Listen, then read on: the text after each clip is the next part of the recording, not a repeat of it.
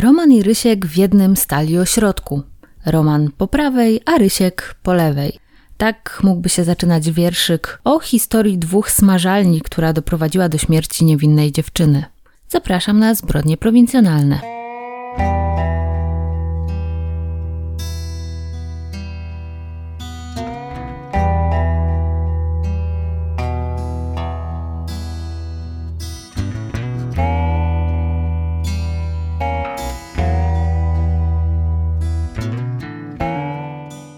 Kolejna historia z serii Donos Prowincjonalny, czyli temat nadesłany przez Was.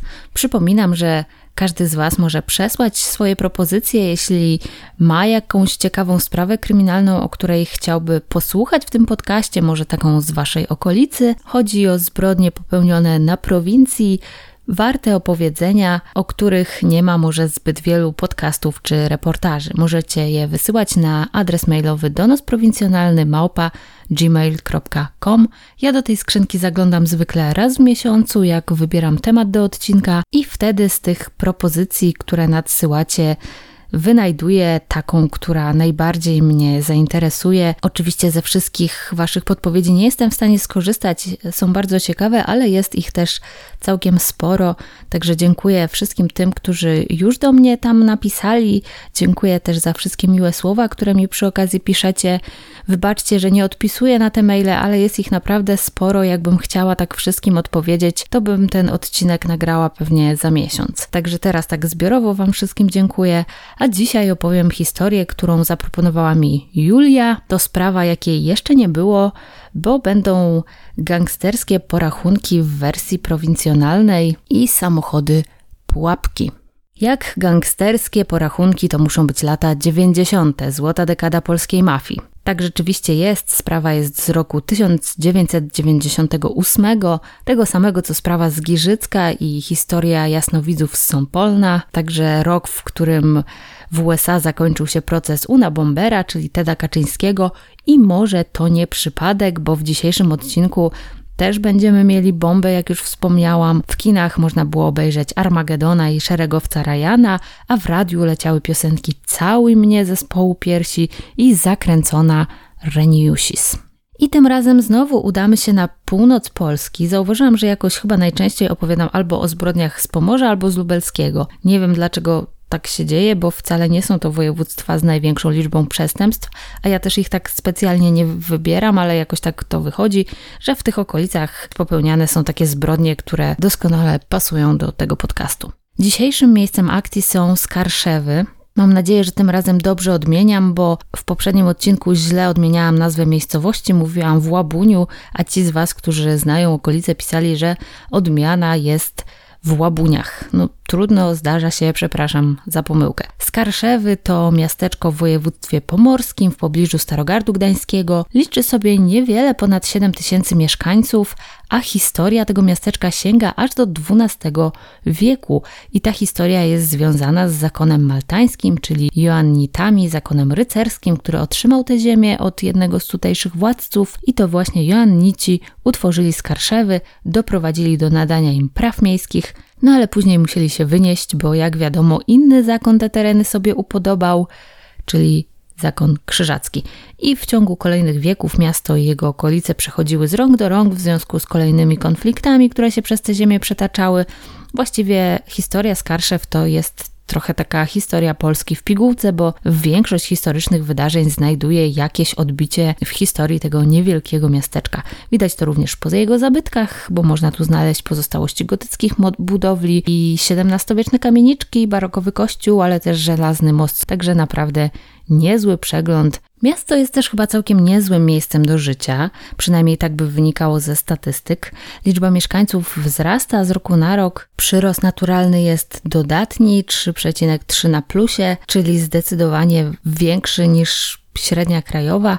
Zawiera się tutaj też więcej małżeństw niż średnio w Polsce. Instalacje techniczno-sanitarne właściwie wszystkie są powyżej średniej krajowej, tylko gaz i centralne ogrzewanie trochę niżej. Bezrobocie również nie jest tu problemem, stopa bezrobocia jest niższa od średniej krajowej, także można zakładać, że właściwie każdy, kto naprawdę chce pracować, to może to robić. Zarobki wprawdzie są trochę niższe, o około 500 zł od średniej krajowej, ale domyślam się, że koszty utrzymania też są tutaj mniejsze niż w dużych miastach, które tę średnią zawyżają. Z ciekawostek, w 2013 roku mieszkańcy Skarszew pobili rekord Guinnessa. W ciągu 24 godzin wybudowali niewielki kościół, który był repliką luterańskiego zboru z 1741 roku. Poczytałam w raporcie gminy też o innowacjach pedagogicznych, jakie wprowadzono w tutejszych szkołach, i moją uwagę zwróciły dwie pozycje. Pierwsza, uczymy dzieci programować. Znaczy, no to dobrze, ale innowacyjne to to chyba było jakieś 20 lat temu. I druga, mamy paluszki małe, ale potrafią bawić się wspaniale. Tyle bez żadnego wyjaśnienia. Nie bardzo wiem, jak to rozumieć. Brzmi trochę niepokojąco, może jak nie wiem, czy to jest jakiś kurs dla młodocianych kieszonkowców, czy co. Przynajmniej nie przebierają dzieci za SS-manów, tak jak w miejscowości z poprzedniego odcinka. Przestępczość jest tu niższa od średniej krajowej, ale tylko trochę, a już przestępstw przeciwko zdrowiu i życiu jest więcej. Wykrywalność, jak na małe miejscowości przystało, powyżej średniej krajowej, za to dzielni dzielnicowi walczą ze spożywaniem alkoholu w miejscach zabronionych, a do zdarzeń tych dochodzi w Skarszewach w rejonie placu zabaw i boiska osiedlowego. Nie ma to jak zainwestować w plac zabaw i boisko, żeby później musieć przeganiać stamtąd pijaków. Dzisiejsza historia rozegrała się w takiej specyficznej części Skarszew, e, na terenie ośrodka wczasowego nad jeziorem Borówno Wielkie. Niektórych artykułach można przeczytać, że stało się to we wsi Borówno, ale taka wieś zdaje się nie istnieje. Znaczy istnieją wsie o takich nazwach w różnych częściach Polski, ale żadna z nich e, nie znajduje się nad jeziorem Borówno Wielkie. To jest chyba po prostu nazwa ośrodka wypoczynkowego nad jeziorem na peryferiach Skarszew. Ta okolica szumnie bywa nazywana nawet letnią stolicą Kociewia. Do tutejszych ośrodków zjeżdżają się przede wszystkim turyści z pobliskich miast, czyli Tczewa, Starogardu Gdańskiego, no i Trójmiasta. A nad jeziorem lubią spędzać czas również mieszkańcy samego miasteczka. W tamtych czasach był to ośrodek w takim starym stylu, z drewnianymi domkami rekreacyjnymi pomiędzy sosnami, wypożyczalnia sprzętu wodnego, bary, w których można zjeść smażoną rybę, frytki, zapiekanki i niewiele więcej, sklepik, w którym można kupić wszystkiego po trochu, jedzenie, słodycze, pocztówki, koła do pływania. Warunki raczej podstawowe, bez jakichś luksusów, ale w latach 90. tak większość z nas jeździła na wczasy, cały dzień spędzało się nad wodą, wieczory przy ognisku i wszyscy byli szczęśliwi nawet jeśli w domkach lekko waliło stęchlizną. W czerwcu 1998 roku właściciele i pracownicy lokali nad jeziorem Borówno jak zwykle szykowali się do sezonu letniego. Było po 7 rano 19 czerwca 1998 roku. Powietrze jeszcze było rześkie, ale zapowiadał się już ciepły letni dzień najpiękniejszy, jaki tylko może być, bo ostatni dzień roku szkolnego. Jeszcze tylko chwila, rozdanie świadectw, a w perspektywie ponad dwa miesiące wakacji. To taki moment, który wszyscy chyba kochaliśmy najbardziej w całym roku, kiedy jeszcze chodziliśmy do szkoły i podobnie zapatrywała się na to 17-letnia Marlena, która tego dnia wychodziła z domu Myśląc już o tym, jak spędzi wakacje, Marlena była piękną dziewczyną o gęstych, kręconych włosach. Poprzedni wieczór spędziła z rodziną, wspólnie z nimi czyniąc ostatnie przygotowania do wielkiego otwarcia sezonu letniego 1998. Skarszewy to nie najgorsze miejsce do spędzenia lata. Na obrzeżach miasteczka jeziora, ośrodki wczasowe, restauracje, plaże. Można przez całe wakacje się kąpać w jeziorze, opalać, spacerować, spotykać z przyjaciółmi na piwo. Chociaż ona miała 17 lat, to oficjalnie pewnie w barach by się nie mogła spotykać, no ale w praktyce różnie to bywa, wiadomo. A to wszystko bez wyjeżdżania z rodzinnej miejscowości. Marlena niedawno zrobiła prawo jazdy. To były jeszcze czasy, że można było mieć prawo jazdy od 17 roku życia. Inna sprawa, że egzaminy na prawko to była jedna wielka ściema i korupcja i wystarczyło zapłacić egzaminatorowi, żeby zdać. Marlena rzadko kiedy miała okazję sama prowadzić auto ojca, dużego białego Mercedesa, ale tym razem pożyczyła je, żeby pojechać na rozdanie świadectw. Ojciec Marleny, Ryszard, prowadził smażalnię nad jeziorem Borówno. W tym najgorętszym okresie często nocowali na terenie ośrodka, mieli tam na zapleczu jakieś wygospodarowane mieszkanie. Często musieli pracować do późna w smażalni, nie opłacało się już wracać po nocy do domu. W sezonie większość czasu spędzali właśnie tam, a że nadchodził ten najintensywniejszy okres w ciągu całego roku, no to roboty nie brakowało. Nad jezioro już zaczęli zjeżdżać turyści, a ten piątkowy wieczór po rozdaniu świadectw miał oczywiście być wypełniony zabawą. Młodzież szykowała się na ogniska, dyskoteki, grille, żeby uczcić początek wakacji. No ale zanim impreza, to trzeba było dotrzeć jeszcze na zakończenie szkoły, na akademię, odebrać świadectwo i z tej okazji ojciec wyjątkowo pozwolił Marlenie pożyczyć właśnie jego auto. Dziewczyna chodziła do liceum w Tczewie, także musiała wyjechać z domu wcześniej, żeby zdążyć na rozdanie świadectw. Kończyła właśnie trzecią klasę liceum. Wcześniej musiała jeszcze pojechać do domu w Skarszewach, żeby tam się przebrać w galowy strój, wyszykować na zakończenie roku. Także podekscytowana nastolatka parę minut po siódmej rano wsiadła do Mercedesa ojca, uruchomiła silnik, no i w tym momencie po całej okolicy rozległ się przeraźliwy huk. Matka Marleny była przekonana, że dziewczyna, która jeszcze niezbyt pewnie czuła się za kierownicą, rozbiła auto, uderzyła o ścianę któregoś z budynków, wybiegła na dwór, zanim jej jedenastoletni syn, no i nie mogła uwierzyć własnym oczom. Mercedes płonął, unosił się nad nim dym, rozerwany na kawałki. Stojący obok Nissan, również należący do ich rodziny, był cały poobijany odłamkami, które podpadały od Mercedesa, który rozprysnął się na wszystkie strony podczas wybuchu, jak w jakimś filmie ze Stevenem Seagalem, a nie w małym ośrodku wypoczynkowym w lesie nad jeziorem. Marlena leżała w środku na, na przednim siedzeniu, kompletnie rozerwanym i nie dawała znaku życia. Nie odebrała świadectwa trzeciej klasy, nie dane jej było ukończyć liceum. Zapłakana matka pobiegła do pobliskiej recepcji ośrodka, żeby zadzwonić na policję, na pogotowie Wszyscy byli w szoku, nikt nie wierzył w to, co się stało. W cichym ośrodku wczasowym nagle zrobiło się zupełnie jak w jakimś filmie sensacyjnym.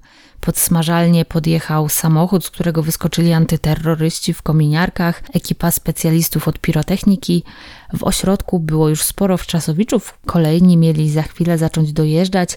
Wszyscy z ciekawością zaglądali za policyjną taśmę. Policja usiłowała opanować jakoś tę sytuację, nie dopuszczać letników w pobliże miejsca zbrodni co nie było takie łatwe, bo do tragedii doszło właściwie w sercu tego ośrodka. Oczywiście była to wielka sensacja, każdy chciał coś zobaczyć, czegoś się dowiedzieć. Pirotechnicy zbadali miejsce zbrodni i ustalili, że ładunek wybuchowy został umieszczony na podwoziu pod fotelem kierowcy i przyczepiony magnesami.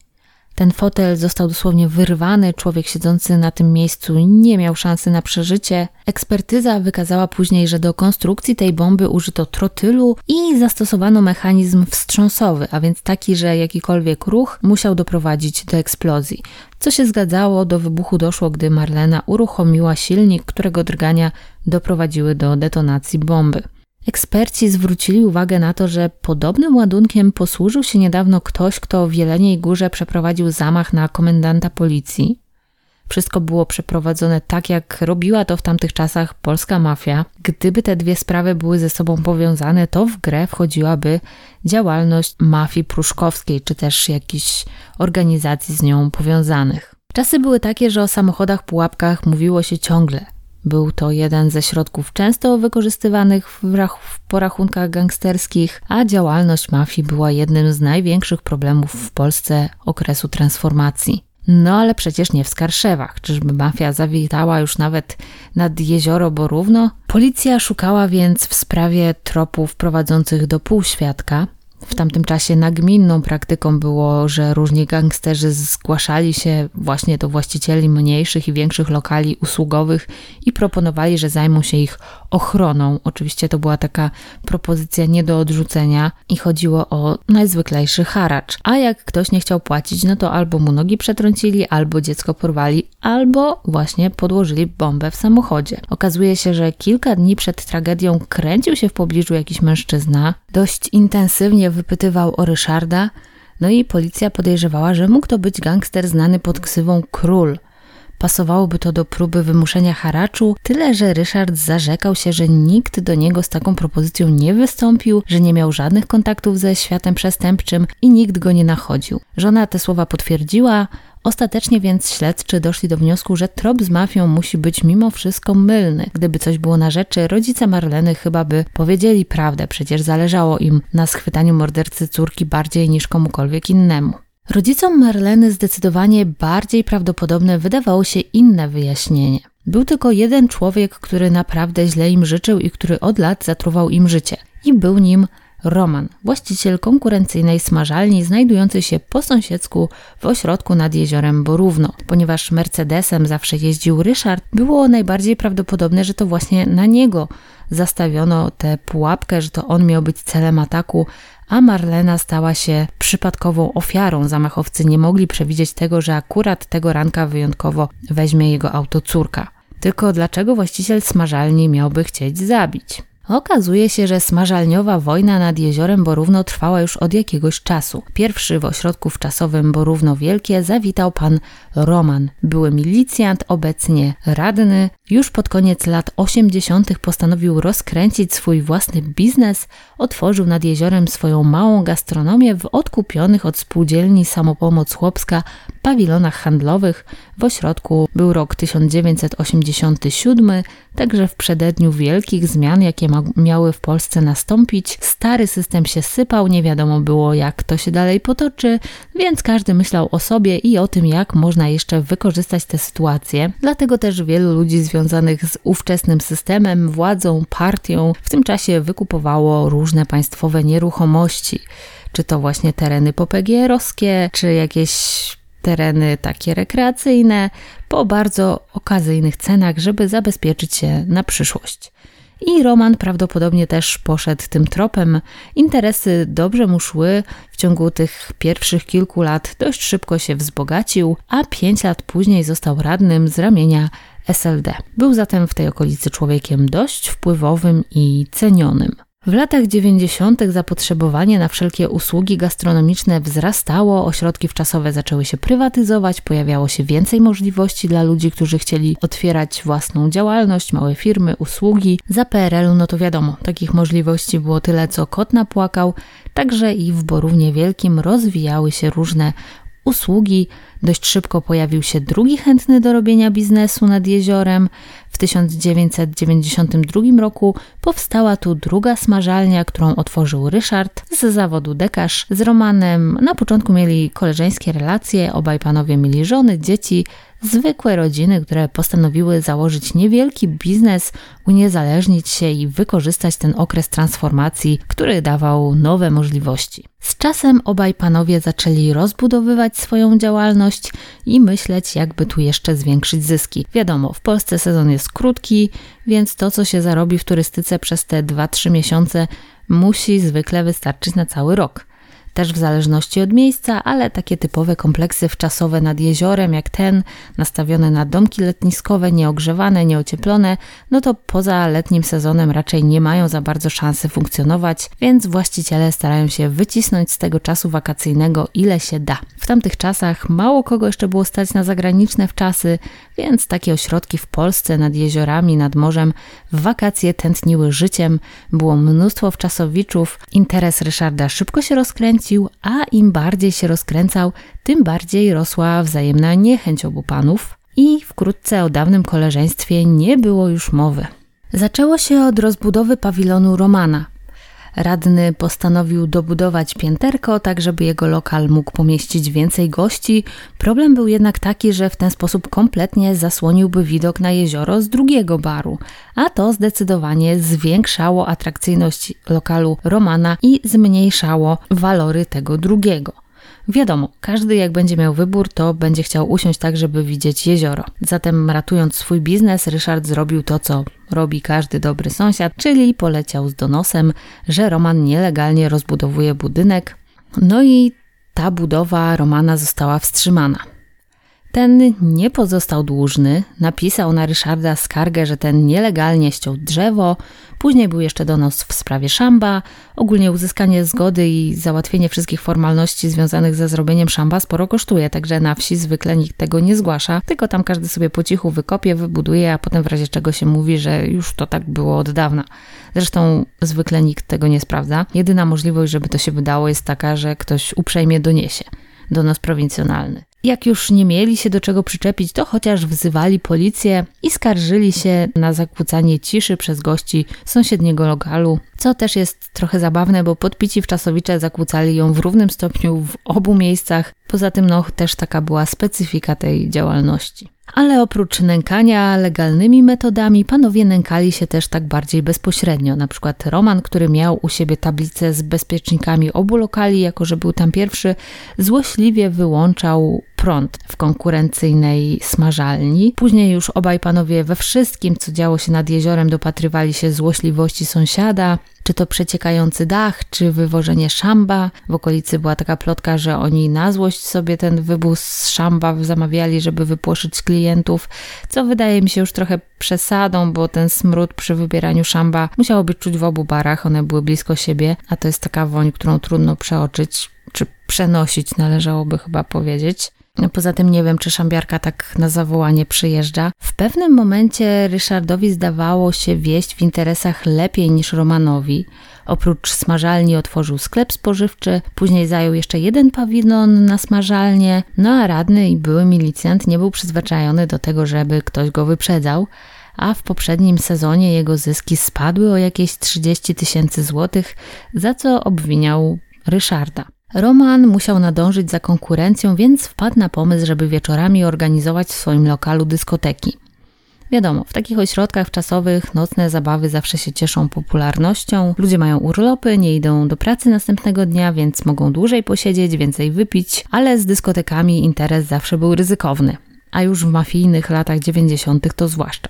Więc Roman wynajął do ochrony chłopaka z Tczewa, no a skończyło się tym, że chłopak sprowadził kolegów i zaczął wyłudzać od niego haracz. Roman zwrócił się więc o pomoc do Mirosława. Mirosław był znany w Skarszewach, choć sprowadził się tutaj dopiero stosunkowo niedawno, zdaje się, że z Trójmiasta, jeśli dobrze pamiętam. Prowadził w miasteczku restaurację, którą przejął za długi, przynajmniej taka była wersja oficjalna, bo nieoficjalnie to poprzednia właścicielka lokalu została zmuszona do odstąpienia go. Interesy Mirosław prowadził różne, znajomości miał co najmniej podejrzane, ale jak się ma problem z gangsterami małego kalibru, to najlepiej zwrócić się do kogoś, kto działa w tym biznesie na wyższym poziomie. Tak się przynajmniej wydawało Romanowi, który z Mirosławem miał różne swoje drobne konszachty. W praktyce oznaczało to oczywiście, że zamiast paru obuzów będzie się miało na głowie siatkę prawdziwych przestępców. Mirosław chłopaków z Tczewa rzeczywiście się pozbył, ale od tej pory ich miejsce zajęli jego ludzie i to im musiał się opłacać Roman. No to nic dziwnego, że i zyski mu spadły. Później dużo się mówiło o roli pana Romana w tym konflikcie i tym, jak to on starał się pozbyć konkurencji. Można odnieść wrażenie, że to on był prowodyrem we wszystkim i to on przez cały czas nękał Ryszarda, ale pojawiały się czasem takie nieśmiałe sugestie, że ten też mu dłużny nie pozostawał że to nie był taki jednostronny atak, że tylko Ryszard był gnębiony, tylko była to taka dwustronna wymiana uprzejmości i odpłacali sobie pięknym za nadobne. No ale już po tej tragedii jakoś było niezręcznie źle mówić o ojcu Marleny, więc słuchając tego wszystkiego trzeba mieć świadomość, że znamy to głównie z jednej strony. Natomiast o tym, jak mu się tam rodzina Marleny odpłacała, za wiele nie wiadomo. Chociaż oczywiście nic, co zrobił Ryszard, nie dorównywało w końcu temu, do czego posunął się Roman, o ile oczywiście to on za tym wszystkim stał. Sprawę prowadzili policjanci z komendy wojewódzkiej, przesłuchano około stu świadków, ale wciąż nie dokonano żadnego aresztowania. Ojciec Marleny wykupił ogłoszenia w gazetach, wyznaczył nagrodę za pomoc w ustaleniu sprawców, no ale nie pojawił się żaden przełom w sprawie i chociaż sąsiedzki smażalniowy konflikt wydawał się jedynym możliwym motywem tej zbrodni, śledztwo trzykrotnie umarzano. Sprawcy pozostawali niewykryci, co dla rodziny musiało być ogromnym ciosem. Byli przekonani, że dokładnie wiedzą, kto jest odpowiedzialny za ich nieszczęście, widywali go codziennie, no ale niczego nie mogli zrobić, nie mieli żadnych dowodów. A policja, no można się pewnie bawić w teorie spiskowe, że funkcjonariuszom mogło nie zależeć za bardzo na wykryciu sprawców, że mieli jakieś tam powiązania z lokalnym półświadkiem. Ojciec Marleny takich akurat oskarżeń nie rzucał, przynajmniej oficjalnie, ale złożył zażalenie na decyzję prokuratury o umorzeniu sprawy, zarzucał policji opieszałość i niekompetencje. Zwrócił przy tym uwagę organów ścigania na radnego jako na jedyną osobę, która miała motyw Twierdził, że Roman chciał się go pozbyć z zemsty i dlatego, żeby poprawić sytuację własnego biznesu, wspomniał też o różnych zastrzeżeniach, jakie pojawiły się pod jego adresem, o jego milicyjnej przeszłości, o tym, że jako milicjant nie cofał się przed przemocą, że został wyrzucony po tym, jak złamał rękę jakiejś kobiecie. Te wszystkie rewelacje pochodziły z Super Expressu, więc nie wiem, czy można w nie tak stuprocentowo wierzyć, ale tyle wystarczyło, żeby prokuratura zarządziła ponowne otwarcie śledztwa. I wtedy to pojawił się świadek incognito. Zresztą był to jeden z pierwszych takich przypadków w Polsce. Świadek zeznał, że słyszał rozmowę radnego i wspomnianego już Mirosława. Do rozmowy miało dojść przed lokalem Mirosława w Skarszewach. Było to na miesiąc przed wybuchem nad jeziorem. Właściwie to trudno nazwać rozmową, to była taka kłótnia, leciało mnóstwo bluzgów, ale świadek stwierdził, że Roman miał gdzieś wśród tych bluzgów zapytać, dlaczego sprawa jeszcze nie jest załatwiona, że Ryszard już nie powinien żyć, nie powinien chodzić po tym świecie, a Mirek uspokajał go, że sprawa będzie załatwiona. Zeznanie tego świadka incognito było jedynym, co mogło połączyć tych dwóch panów z wybuchem nad jeziorem. Do tej pory nie przemawiało za tym nic oprócz niechęci między właścicielami dwóch smażalni, ale zeznanie świadka, który słyszał jakąś rozmowę dwa lata wcześniej, to ciągle trochę za mało, żeby dokonać aresztowania nie mówiąc już o wygranej w sądzie. A że żadnych dowodów nie było, no to sprawę ponownie umorzono. Ale policja tak całkiem o niej nie zapomniała. Postanowili chyba trochę się przyczaić, obserwować Mirosława i czekać. Podejrzewali, że jest tylko kwestią czasu, kiedy będą mogli go przymknąć, jak nie za to, co za coś innego. Przy jego trybie życia było to raczej nie takie trudne, no i tak też się stało. Minęły trzy lata od śmierci Marleny. Na terenie ośrodka, w miejscu, w którym doszło do wybuchu, rodzina dziewczyny postawiła małą kamienną tablicę upamiętniającą to wydarzenie. Był rok 2001, kiedy Mirosław trafił do więzienia. Trafił tam w związku ze swoimi różnymi innymi grzeszkami, które nie miały nic wspólnego ze śmiercią Marleny, konkretnie za pobicie konkubiny, oczywiście słowo klucz, konkubina musi być, i wymuszenie. W sprawę zaangażowało się CBS, Przechwycono bowiem gryps wysłany przez Mirosława z aresztu w Gdańsku. To, jak wiadomość jest napisana, myślę, że wiele mówi o poziomie intelektualnym Mirosława. List zaczyna się słowami cześć chudy przez oskreską skarszewiaku. Tu tylko dodam, że Roman na tej smażalni to się tak dość mocno utuczył, na zdjęciach z lat 80. on jest jeszcze takim panem o normalnej posturze, ale już na tych lat 90. to taki powiedziałabym jest majestatyczny, taki w typie Ryszarda Kalisza ze swoich najlepszych lat. Także ten chudy, no to taki żarcik miał być. Dalej Mirosław opisuje, że policjanci chcą mu przybić różne sprawy, że go pytają, ale on nic im nie mówi. No i dalej pisze: Roman, nic się nie martw póki, przez uzwykłe, ja żyję, nic się nie stanie, nic nie mogą mi zrobić, siedzę tu za pomówienie, Roman płać te pieniądze, które, przez uzwykłe, mam u ciebie. I tu następuje wyliczenie różnych należności w złotówkach i dolarach i jest w nim taka pozycja 100 tysięcy złotych za auto. To oczywiście daje policjantom do myślenia. Jest to kolejna jakaś taka niteczka pomiędzy Romanem a Mirosławem.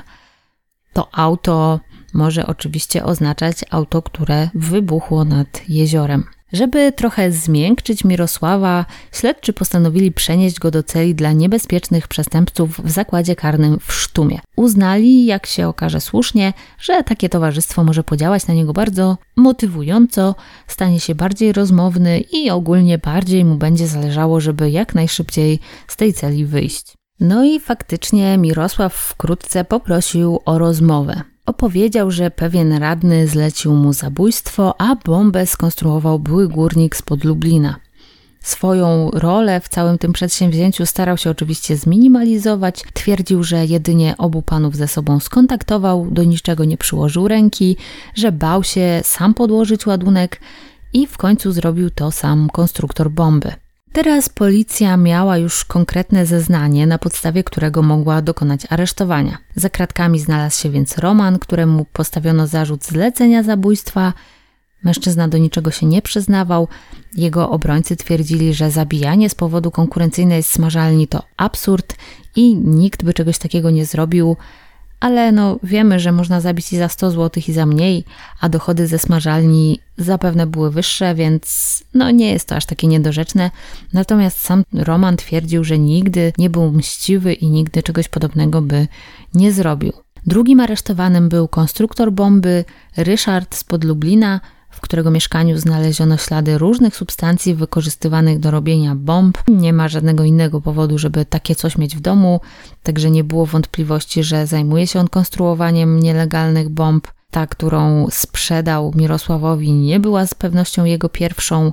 Swoją drogą mieć w bloku takiego sąsiada to trochę strach.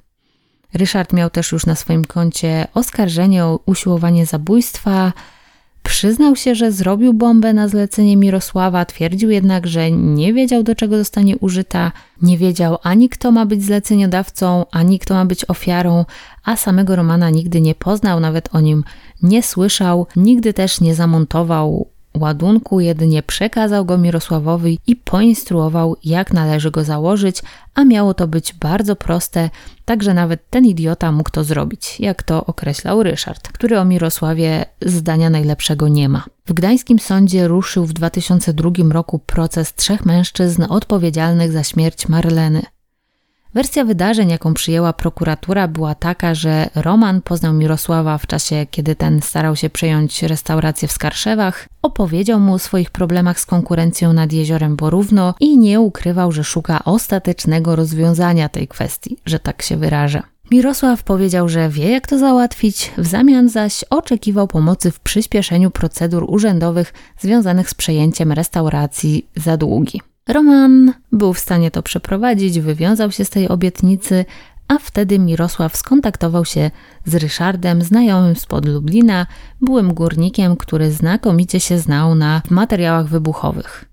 Zdarzało im się już wcześniej robić różne szemrane interesy, głównie związane z przewozem aut, za zachodniej granicy. W gazetach pisano, że byli dobrymi kumplami, natomiast Ryszard zaprzecza, jakoby przyjaźnił się z Mirosławem, miały ich łączyć tylko jakieś interesy bliżej nieokreślone. Niezależnie od tego, jak tam było, Ryszard zgodził się na skonstruowanie bomby za odpowiednią opłatą i w nocy z 17 na 18 czerwca przywiózł ładunek pociągiem z Lublina do Gdańska. Tam z dworca odebrał go Mirosław, zawiódł do swojej restauracji, gdzie dogadali szczegóły, a Ryszard wyjaśnił, jak należy zamontować ładunek. Podczas rozprawy nie udało się ustalić, który z mężczyzn tę bombę ostatecznie podłożył. Obaj się tego wypierali. Ryszard twierdził, że w nocy, w godzinach, gdy samochód stał pod sklepem i był do niego dostęp, chodzi mi o samochód ojca Marleny, o tego Mercedesa, to on wracał już do domu, więc nie mógł tego zrobić. Z kolei Mirosław utrzymywał, że nigdy takiego ładunku nie zakładał, nie wie jak to robić, nigdy nie byłby w stanie sam tego zamontować.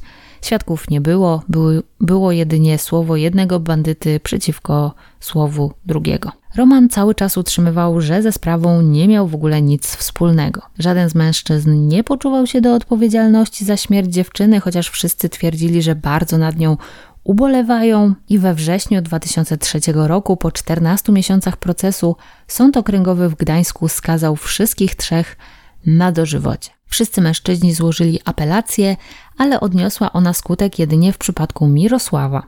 Sąd uznał, że jako jedyny przyznał się do winy, przynajmniej częściowo, a należy promować takie postawy oskarżonych. Jego wyrok obniżono do 25 lat, a pozostałe utrzymano. To też wzbudziło pewne kontrowersje, bo jednak Mirosław całej prawdy nie powiedział, lawirował tak, żeby jego udział w tej zbrodni wydawał się jak najmniejszy. Można odnieść wrażenie, że za wszystkie sznurki pociągał tutaj on. To prawda, że współpracował z prokuraturą, że wskazał współwinnych, ale głównie po to, żeby zmniejszyć własną rolę w tej zbrodni, żeby uniknąć pełnej odpowiedzialności. I czy za to należy mu się niższy wyrok?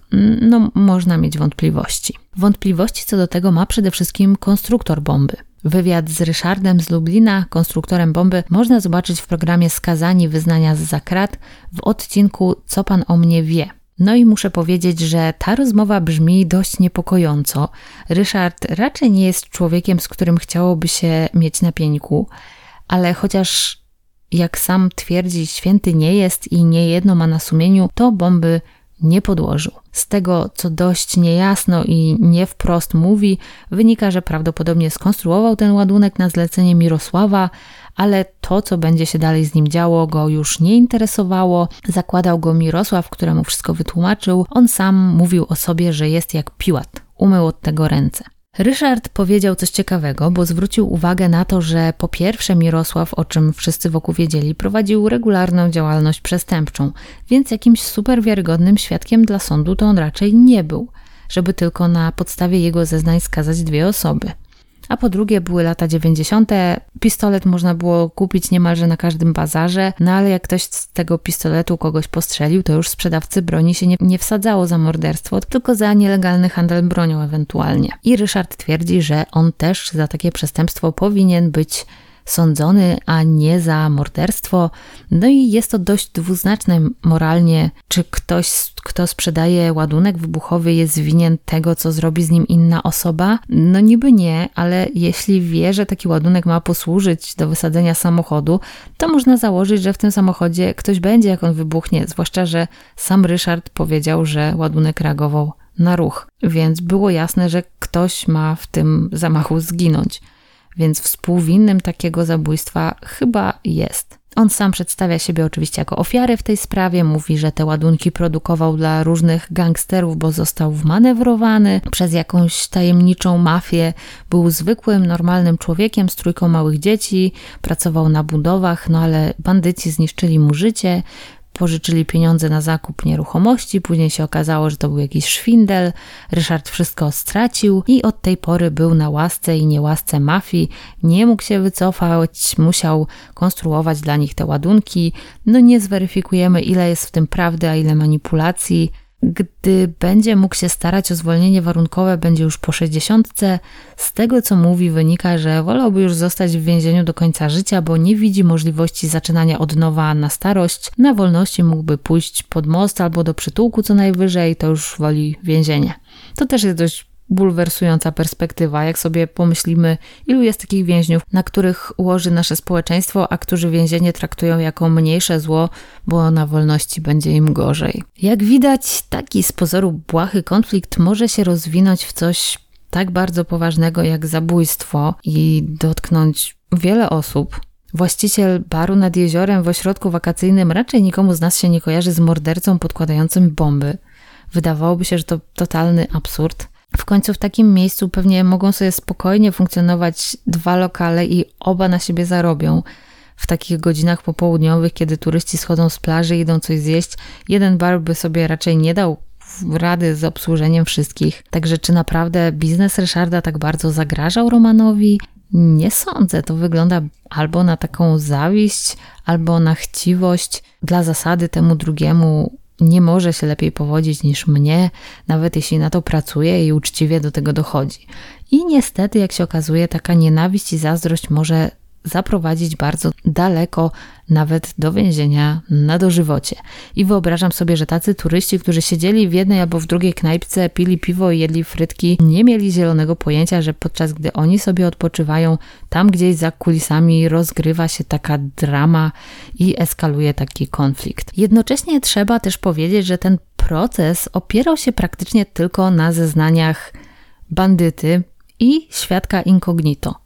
Nie było żadnych dowodów rzeczowych, żadnych śladów biologicznych, niczego, co by pozwalało połączyć Romana z miejscem zbrodni. Obciążały go właściwie tylko zeznania Mirosława oraz anonimowego człowieka. O intencjach niczego nie wiemy, no bo nie wiemy, kto to jest. Obrońca Obrońcy Romana zwracali uwagę na to, że w zeznaniach świadka incognito było sporo nieścisłości. On się nie mógł zdecydować między innymi co do tego, w którym miejscu słyszał tę rozmowę. Raz mówił, że w lokalu, drugi raz, że przed lokalem. Tam syn Romana zwraca uwagę na to, że od tego lokalu dosłownie kilka kroków mieści się, czy też mieściła się wtedy jednostka policji, także można mieć wątpliwości, czy oni by byli aż tak niedyskretni, żeby pod samym jakimś komisariatem planować morderstwo i, i wykrzykiwać o tym na cały głos. Dzieci Romana są przekonane, że ich ojciec nigdy nie zleciłby morderstwa. On też cały czas utrzymuje, że siedzi za niewinność. Wywiad z nim możecie zobaczyć w odcinku interwencji, który macie w źródłach. On w nim mówi między innymi, że nigdy nie był człowiekiem zawistnym, że z takiego powodu nie mógłby nikogo zabić, że cały czas ubolewa nad śmiercią Marleny i opłakuje ją. No ale tak może powiedzieć każdy. Nie mam w oczach wykrywacza kłamstw, więc nie wiem, czy mówi szczerze. Mojego zaufania nie budzi, ale też trudno wydawać wyroki na takiej podstawie. Ale po obejrzeniu tego, tego materiału zaczęłam się zastanawiać, czy to wszystko mogło wyglądać inaczej niż przedstawiła to prokuratura. No i na podstawie tego, co wiemy i też tego, czego nie wiemy, no mogło. Za całą sprawą mógł przecież stać Mirosław, bo to on jest jedynym ogniwem, które łączy Romana i Ryszarda, albo w całej historii mógł być jeszcze ktoś, może ktoś, z kim Mirosław miał jakieś interesy. Skoro ochraniał lokal Romana, to może chciał też zmusić Ryszarda do płacenia haraczu. Prawdę mówiąc, byłoby to nawet dziwne, gdyby tego nie zrobił. Policja twierdziła, że gdyby tak było, rodzice Marleny na pewno by powiedzieli prawdę, no ale dla mnie to wcale takie pewne nie jest. Mogli zostać zastraszeni. No, trudno o coś bardziej działającego na wyobraźnię w takiej sytuacji niż wybuch samochodu. Oni cały czas mieli jeszcze drugie dziecko, no mieli o co się obawiać. No a Mirosław, żeby zmniejszyć swoją winę, spróbować wykręcić się od najwyższego wyroku, wrobił we wszystko Romana, który no był idealnym kandydatem, bo o jego konflikcie z ojcem Marleny wiedzieli wszyscy i łatwo było rzucić na niego podejrzenia. Policji i prokuraturze zależało na schwytaniu sprawców, więc może aż tak bardzo nie drążyli, a może zleceniodawcą był w ogóle zupełnie ktoś inny jeszcze, kogo w ten sposób udało się ochronić. To oczywiście jest takie gdybanie. Bardziej prawdopodobne jest pewnie, że dzieci nie wierzą w winę ojca, no bo nie chcą wierzyć, bo nikt by nie chciał wierzyć w coś takiego na temat członka swojej najbliższej rodziny. A Roman konsekwentnie się nie przyznawał, no bo liczył, że ponieważ nie ma przeciwko niemu twardych dowodów, to może jeszcze mu się uda uniknąć odpowiedzialności. No ale faktem jest, że dowodów w tej sprawie jest bardzo mało. Właściwie wszystko się opierało na takim on powiedział, i była to taka sprawa słowo przeciwko słowu, przy czym ten, który mówił najwięcej, czyli Mirosław, no niekoniecznie jest szczególnie wiarygodną osobą. Sprawa oficjalnie jest wyjaśniona, winni skazani, ale wciąż pozostaje pewien niedosyt, jak zawsze, kiedy sprawcy nie przyznają się do winy. Powstają wtedy różne takie luki, znaki zapytania, wątpliwości, czy aby na pewno ta wersja, którą prezentuje prokuratura jest prawdziwa, czy ta historia, którą Wam dzisiaj opowiedziałam, to jest rzeczywiście opowieść o konflikcie dwóch smażalni, czy może zupełnie inna historia z mafijnymi porachunkami w tle. No to chyba każdy już musi sam ocenić, w co uwierzy w tej historii i komu. To wszystko na dziś. Dziękuję serdecznie Julii za podesłanie mi tej bardzo ciekawej sprawy. Jeśli Wy macie swoje sprawy kryminalne, które chcielibyście usłyszeć w zbrodniach prowincjonalnych, to zachęcam do wysyłania propozycji na donosprowincjonalny małpa gmail.com. Adres zostawię w opisie. Link do strony ze wszystkimi źródłami macie oczywiście w opisie. A tymczasem dziękuję Wam za wszystkie komentarze, oceny, subskrypcje i wszystko, co tam robicie z moimi materiałami. Dziękuję szczególnie tym z Was, którzy zdecydowali się wspierać zbrodnie prowincjonalne na YouTubie. A na dziś się z Wami żegnam i zapraszam za tydzień, no może z jakieś 10 dni, na kolejny odcinek zbrodni prowincjonalnych.